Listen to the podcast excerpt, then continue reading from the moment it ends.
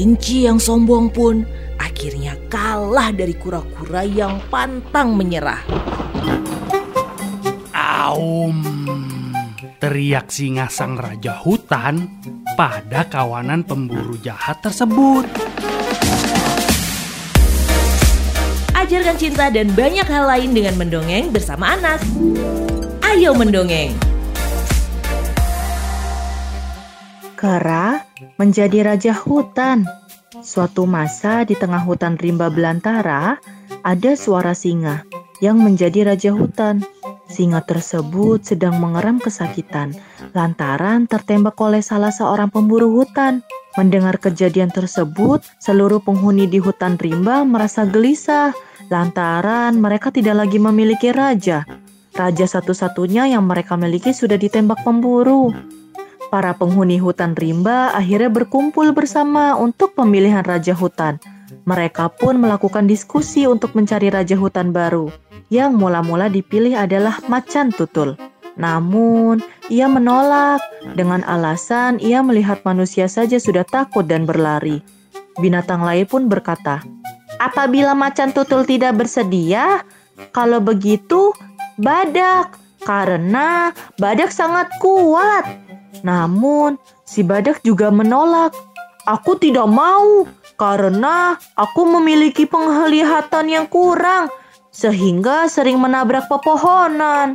Kemudian binatang yang lain berkata, "Yang pantas adalah si gajah karena badannya paling besar. Tubuhku memiliki gerakan yang sangat lamban dan tidak bisa berkelahi." Jawab si gajah. Ia juga melanjutkan, Mungkin untuk hari ini bisa dicukupkan dulu dan dilanjutkan besok. Namun, ketika semua hendak bubar, kera pun berteriak.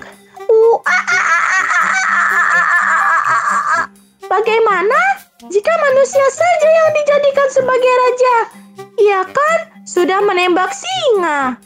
Tupai pun menjawab, Tidak mungkin.